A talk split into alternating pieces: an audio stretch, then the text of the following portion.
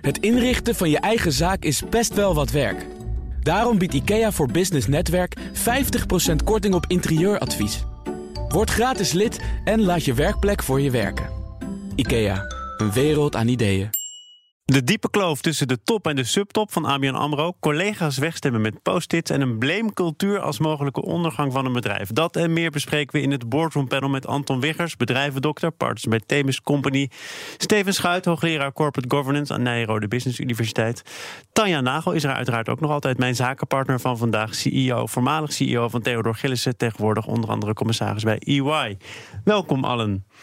Ehm, voor de tweede keer dit jaar schreef een groep anonieme managers een brandbrief met een waslijst aan zorgen aan ABN-president-commissaris Tom Zwaan. Topman Kees van Dijkhuizen zou een te sterke focus hebben op duurzaamheid en mensen zouden knettergek worden van zijn duurzaamheidsstrategie.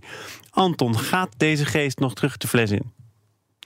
Ik hoop het voor alle betrokkenen. Alleen ik ben bang dat, het even, dat er even iets moet gaan gebeuren de komende tijd. Is al de zoveelste keer dat, uh, dat er iets gebeurt op, dit niveau. En dat ABN qua communicatie en in de media zeg maar, terechtkomt op plekken waar je dat niet wilt. En over onderwerpen die je eigenlijk ook niet wilt dat ze op die manier worden besproken. Maar de kennelijk is een vertrouwenscrisis. Ja, dat denk ik ook. Maar die groep wordt alleen maar groter. Het is nu de tweede keer dat ze het middel van een anonieme brandbrief niet schuwen. Wat zegt dat dan? Nou, dat zegt dat ze als, alleen als groep durven te acteren, dat in de eerste plaats. Dus kennelijk is er ook iets van een angstcultuur waardoor mensen niet individueel denken te kunnen of kunnen zeggen wat ze willen zeggen. En uh, er is kennelijk echt een ernstige uh, vertrouwenscrisis ten aanzien van de leiderschap. Ja, ik, ik denk dat op dit moment Tom de Zwaan en Kees van Dijkhuizen misschien de confrontatie moeten inruilen voor uh, begrip. Want ze kiezen een uh, strijdlustige houding. Uh, die ik heel goed begrijp, want een anonieme brief is een venijnig instrument. en zaait heel veel onrust en je weet niet met wie je praten moet. Dus je hebt geen, geen gesprekspartner om over de grieven te praten. Maar er zijn duidelijk grieven waar je in ieder geval kennis van moet willen nemen. zeggen ze, onder andere in het FD, allebei, de Zwaan en Van Dijkhuizen... De deur staat altijd open. Ja. Kom met me praten. Ik ja. ben zeer teleurgesteld dat het nou weer op deze manier moet. Ja. Kom langs. I love debate. Ja, maar dan zegt wel Kees van Dijkhuizen...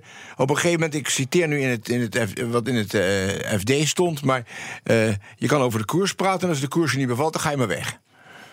Uh, dat is een zinnetje wat ik niet erg uh, niet uitnodigend vind.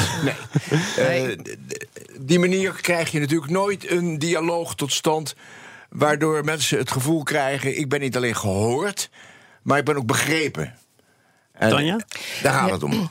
Het heeft denk ik ook met vertrouwen, maar ook met communicatie te maken. Het, het is nogal wat als een groep mensen uh, de noodzaak ziet om iets anoniem te doen. Um, je zou denken, als je met z'n twintig of met z'n veertig bent, dat dat al voldoende stevigheid biedt. Dat het ook wel um, persoonlijk kan in plaats van anoniem. De manier waarop er gereageerd wordt, maakt het alleen maar nog lastiger. Dus ik denk ook dat, dat het binnenin gezocht moet worden. Ik moet overigens wel zeggen, ik begrijp wel hoe lastig het is vanuit de positie van Tom de Zwaan om een uh, anonieme brief te krijgen. Een oproep plaatst uh, intern van jongens, kom allemaal met me praten. En dat je dan nog niet weet of je anonieme schrijvers daarbij waren ja. of niet. Het is ook wel een ingewikkelde situatie. Ja, daar hebben ja. 110 mensen volgens mij op gereageerd. Ja. Dat zijn er dus altijd meer nog dan die 20 of die 40 die hun handtekening Tuurlijk. onder die brief hebben gezet. Maar... Ja, dus hij zei ook, de kans is aanwezig dat er toch veel van die brievenschrijvers bij zaten. Maar het is nogal wat dat je niet uh, met open vizier met elkaar kan praten. Het is, het is heel ingewikkeld. Ja. ja. Ja, er zit, het, het is natuurlijk, zo'n bank is, heeft natuurlijk uh, klassen en standen. Hè. Je moet denken aan de financiële wereld. Die is wat minder uh, soepel en transparant dan misschien andere bedrijven. Oh ja, Echt waar? Goed, jij weet het. Uh, je weet dus gewoon hoe moeilijk het kan zijn als je in het middelmanagement zit uh, en je het niet met uh, de, de strategie eens bent uh, om dan je stem te verheffen. En ik vind met name zo pijnlijk deze hele discussie, nu we eigenlijk na die financiële crisis nog steeds de bankiers met modder, modder naar ze gooien en zeggen: jullie hadden het anders moeten doen en je hebt het toen fout gedaan. Daar voelen veel mensen, ook in het middelmanagement, zich voor aangesproken. Op feestjes, partijen, thuis, waar ook. Uh, en, nou zien ze uh, ABN AMRO dingen die hun niet bevallen. Dan vind ik, ja, dan kan je toch ja. moeilijk tegen ze zeggen... hou je bek, uh, schaar je in de rijen en anders dan zo je maar op. Anton, jij bent bedrijvendokter, zo mag ik jou iedere keer aankondigen. Nou, dokter, wat is uw medicijn? Nou, ik heb het ook eerder meegemaakt, ook bij een bank, eh, een aantal jaar geleden. En daar speelde ongeveer een vergelijkbare uh, crisis. Waarbij ook iemand zei van, uh, nou, als je, als je geen vertrouwen hebt in je collega hier in het managementteam, nou, sta op en, en, en, zeg het. Nou, je kunt nagaan wie erop stond, ongeveer niemand. En je moet je dus goed eraf vragen dat de reactie van, van de topstructuur die zeggen eigenlijk van, nou, je bent welkom, hè, maar ga niet over deze punten hebben, anders moet je maar opzouten. je moet je ook voorstellen dat er echt een angst is bij ook topmanagers in de bank. Want wat nu als ik weg moet? Hoeveel kans heb ik op de arbeidsmarkt als bankier? En ik kan je verzekeren, die kansen zijn vrij gering. En dat, dat zorgt er ook voor dat ze dat middel van die anonimiteit kiezen. Ik denk dat dat ook een rol speelt, ja. Ik weet niet wat jullie daarvan vinden. Maar als je het nou even loskoppelt van de ABN AMRO... en je kijkt naar uh, in zijn algemeenheid een crisis en hoe los je het op... Um, uh, ik denk dat er een goede keuze is gemaakt van... we moeten iets met onze strategie, we moeten iets met onze missie, visie, values. BCG is kennelijk ingehuurd. Ik denk dat dat allemaal elementen zijn die maken dat je... na alles wat er uh, met de vorige voorzitter van de Raad van Commissarissen is gebeurd... mooi een nieuwe weg in te slaan. Ik weet het niet, maar misschien kan je concluderen dat um, Subtop niet goed betrokken is bij dit nieuwe uh, proces, waardoor ze zich niet gekend voelen in de rol die ze eigenlijk zouden moeten kunnen hebben. Wat we denk ik hier theoretisch allemaal een logisch proces vinden om door te maken als je een andere kant op wil. Ja, dat zegt iets over de toon at de top, denk ik. En als je kijkt naar de prioriteit ja, de prioriteiten in de financiële sector, wat er allemaal gebeurt met Basel IV. Denk ja, je hebt ook niet veel tijd om hieraan te besteden, want je moet ook gewoon door met je bedrijf. Ja, ik, ik, denk dat je uh, iets heel wijs hebt gezegd. Uh, het zou best eens kunnen zijn dat deze mensen onvoldoende betrokken zijn geweest bij het doorexerceren uh, van de strategie zoals Kees van Dijkhuizen die voor ogen heeft. en dat die zich eigenlijk een, ook een beetje gepasseerd voelen. Uh, en uh, nauwer betrokken willen worden in de totale uh, communicatie. Maar met hoeveel mensen praat je dan over de strategie? Is nou, dat kijk, ook iets van de, de Die raad van medewerkers, hè, dat is hun ondernemingsraad eigenlijk... die hebben ze een nieuwe naam gegeven.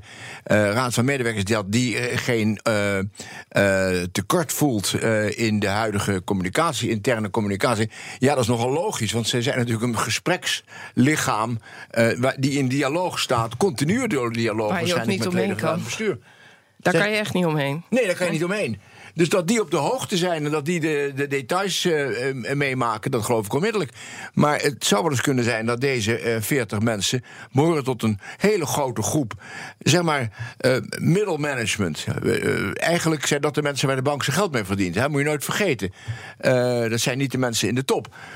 dat middelmanagement heb je hartstikke nodig. Daar, als, je, als, als dat niet zich betrokken voelt bij waar de top mee bezig is, dan ben je eigenlijk een schip aan het besturen zonder dat het eh, stuurwiel uh, verbinding staat met, uh, het roer. Nou zeggen deze mensen zelfs dat ze bescherming willen, onder een klokkenluidersregeling willen vallen. Van Dijkhuizen zegt erover, ja, bescherming waartegen dan? Waarom is dat nodig? Snap jij toch dat dit soort maatregelen, dit soort constructies nu ook door deze groep worden opgezocht? die, die klokkenluidersregeling en de bescherming die erbij hoort? Nou ja, kennelijk zijn ze, sorry, ze zijn ergens bang voor. Dat is helder. En uh, de angst die ze hebben, dus waarschijnlijk ontslag of repercussies op de carrière of op carrièrepad. Dus dat snap ik wel. Maar dat je dan zover gaat om zeg maar formeel onder een regeling te vallen zonder eerst kennelijk daarover stevig te praten, dat vind ik wel vreemd en ook niet goed. Je lost het probleem nooit op met een, met een conflict. Je, je zult moeten gaan praten. Ik vind het jammer dat Tom de Zwaan zo uh, rechtstreeks uh, een pal achter uh, Kees van Dijkhuis is gaan staan. Want hij is daardoor niet meer de redder in last resort. Uh, dat is, uh, die die nu wel is, want hij, hij, krijgt die brief. Die is aan hem geadresseerd. Hij krijgt die brief, uh, maar hij is... op dit moment verenigt, verenigt hij zich... vereenzelvigt hij zich met Kees van Dijkhuizen.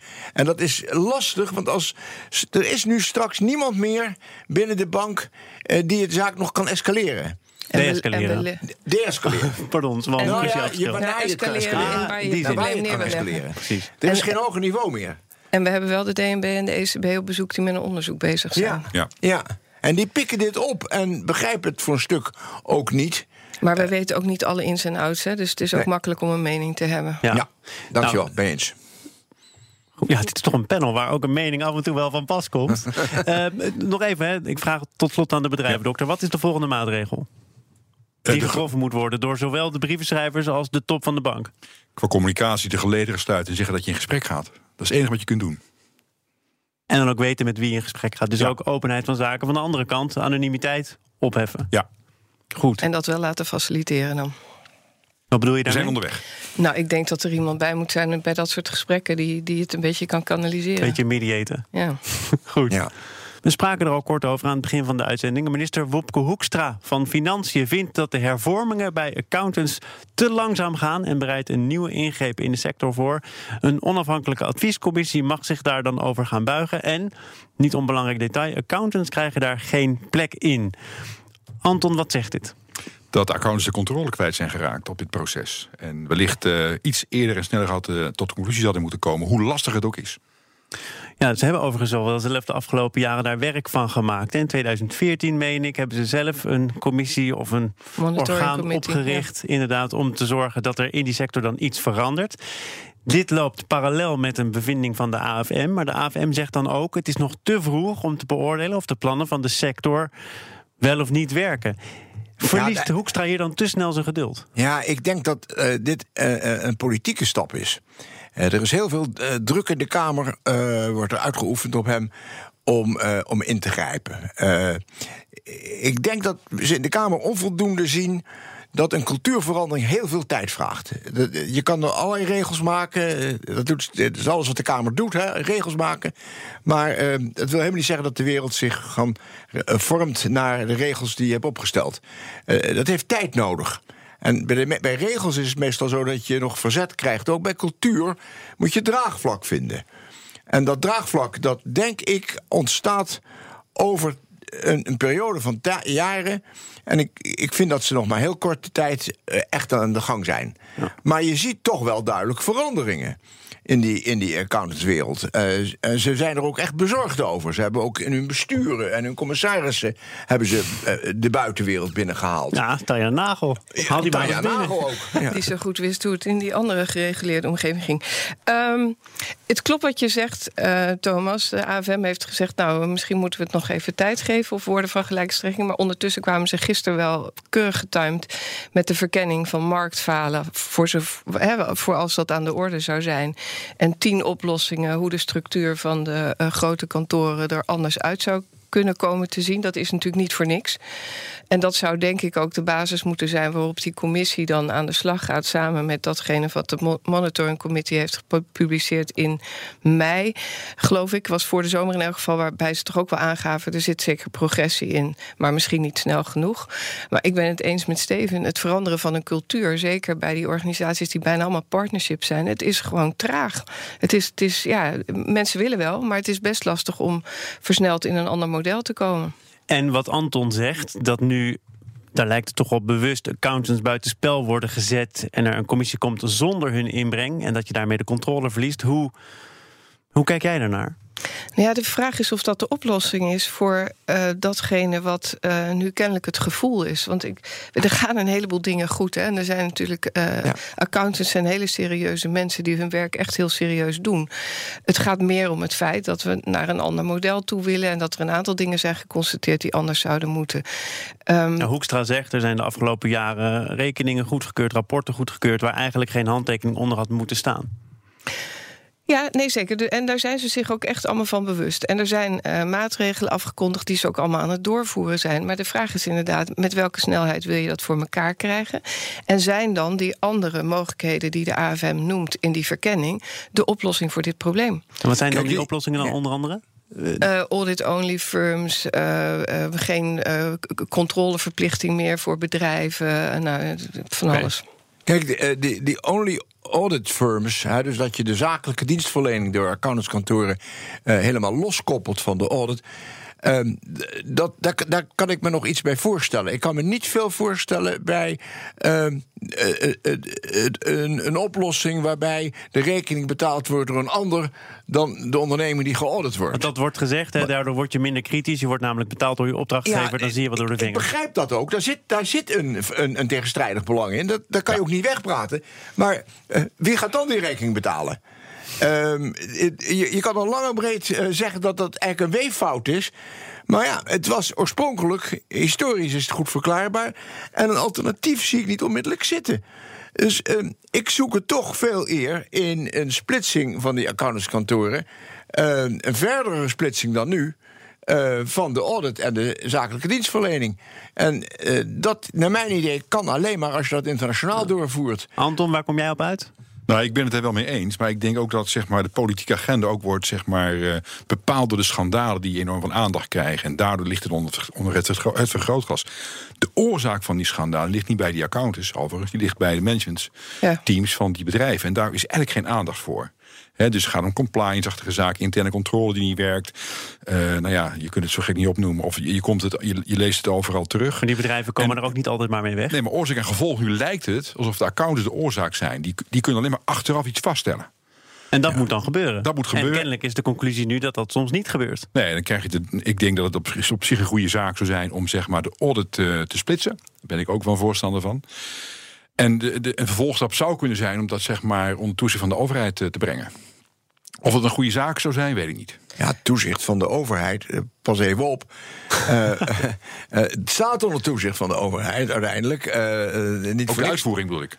Ja, maar ja, de, de, de AFM kijkt ernaar. Zou je het dan onder financiën willen brengen? Nee, natuurlijk. Laat het maar rustig bij de AFM liggen. Tanja Nagel? Nou ja, ik vraag me af hoe dat dan in de internationale context van de meeste van die firms gaat. Want ze maken natuurlijk allemaal onderdeel uit van een grotere organisatie. Waarbij het al een probleem is dat er bij de Nederlandse firms een raad van commissarissen geïnstalleerd is. Kennen ze allemaal niet in die nee. andere landen. En dan zouden we nu hele andere wetgeving krijgen. Ja, dan moet je het misschien ook af gaan splitsen. Van, en wat hebben we dan nog in Nederland? Nederland. Uh, als het gaat om de kwaliteit en de manier waarop mensen elkaar kunnen verbeteren. Ja, het, het, het, is, veel weerbarstiger dan het voor die Kamerleden, vrees ik, uh, lijkt. Want uh, oplossingen op internationaal niveau uh, worden op dit moment heel erg besproken in Engeland. Ja. Uh, Engeland zijn ze erg bezig met dit onderwerp. België geloof ik ook. Er zijn toch wel andere ja, Europese landen en, waar ook hier naar gekeken wordt. Iedereen is ermee bezig, maar dat betekent dat er dus een zekere mate van onderlinge afstemming moet plaatsvinden. En ja, ik hoef je niet te vertellen dat dat tijd neemt. Dus daar gaat nog jaren overheen. En door nu als Hoekstra uh, dat initiatief te nemen met die commissie, uh, creëer je een verwachting van een oplossing op korte termijn. En ik vrees dat Hoekstra nou, De commissie daar, wordt ook vaak genoeg gepresenteerd als iets waar we, het heeft onze aandacht en uh, we kijken ernaar, ja. maar er gebeurt niet zoveel. Dat kan toch ook? Kan ook. Ik wil tot slot uh, afronden met iets wat uh, onze aandacht trok hier en die van meer mensen. Want uh, normaal gesproken bepaalt natuurlijk vooral de baas wie er blijft en wie er vertrekt. Maar bij de medewerkers van Key2 liep dat anders. Die mochten in een onderlinge stemronde op post-its hun voorkeur uitspreken. om zo de reorganisatie vorm te geven. En er wordt gezegd: ja, bij het bedrijf bepalen onze medewerkers alles zelf. Dus ook dit. Nou, kleine correctie. Bij een reorganisatie bepaalt meestal de baas niet wie er vertrekt hoor. Dat is waar. Daar zijn natuurlijk allemaal regels voor. En die zijn er niet voor niks. Die zijn voor de bescherming van de individuele medewerker. Ik vond dit best grappig om te lezen. Een kleine organisatie. Hè? Maar wat nou als een paar mensen een conctie sluiten om een ander naar buiten te duwen? Gaat, Misschien het dan, dan wel, gebeurd. gaat dat dan wel om de kwaliteit? Of ik vind het echt een beetje gek hoor. Nou, ik vind het, ik vind het, voor mij ruikt het ongezond. Uh, want je creëert een sfeer van uh, elkaar uh, beoordelen, vriendjes maken, populair zijn, gewild, gewilde grappen maken en je, je bijdragen aan de, de, processen waar de onderneming doorheen moet. kan soms gepaard gaan met een, een wat hardere opstelling. En dat moet dan niet meebrengen dat je risico loopt dat je eerder eruit gekinkeld wordt. Ja, ik kwam een uh, uitspraak tegen van een van de slachtoffers. Als je baas je wegstuurt, kun je nog zeggen dat hij het niet snapt. En dat jij het ook niet snapt. Maar als iedereen het zegt, dan lijkt het toch wel een verstandige keuze. Dus iemand die zijn baan daar kwijtgeraakt is, hè? Misschien niet voor de ABN AMRO. maar is dit iets waarvan je toch kunt zeggen... ja, uh, er wordt heel veel gezegd over autonomie, over zelfbestuur... over de zeggenschap van medewerkers. Ja, dan is de uiterste consequentie dat ook dit soort zaken... door medewerkers worden bepaald. Ja, ik heb veel reorganisaties uh, meegemaakt en mogen leiden... maar dit gaat niet werken. En het gaat misschien wel werken bij een hoog professionele organisatie... en met name in de IT. Als je in de IT-wereld je baan kwijtraakt... nou, geen probleem zou ik bijna willen zeggen... maar als je in een retailketen werkt en je verliest daar je baan... is het een ander verhaal. Dus je moet ook echt kijken wat voor type bedrijf is het en wat voor type functies heb ik het over. En uh, mijn ervaring is dat uiteindelijk als er moeilijke beslissingen moeten worden genomen, kijkt iedereen toch altijd naar de leider. Goed. Nou, ze hoeven in ieder geval niet meer naar de post-its te kijken als het op, dat, op die manier door blijft gaan. Dit was het Boardroom Panel voor vandaag en ook de uitzending van vandaag. De laatste gasten waren Anton Wiggers, bedrijvendokter, partner bij Themis Company, Steven Schuit, hoogleraar Corporate Governance aan de Nijrode Business Universiteit. De mappen gaan hier dicht, de paparazzen worden opgeborgen. Maar niet voordat ik uh, ook mijn zakenpartner van vandaag bijzonder heb bedankt. Tanja Nagel, fijn dat je er was. Het inrichten van je eigen zaak is best wel wat werk. Daarom biedt IKEA voor Business Netwerk 50% korting op interieuradvies. Word gratis lid en laat je werkplek voor je werken. IKEA, een wereld aan ideeën.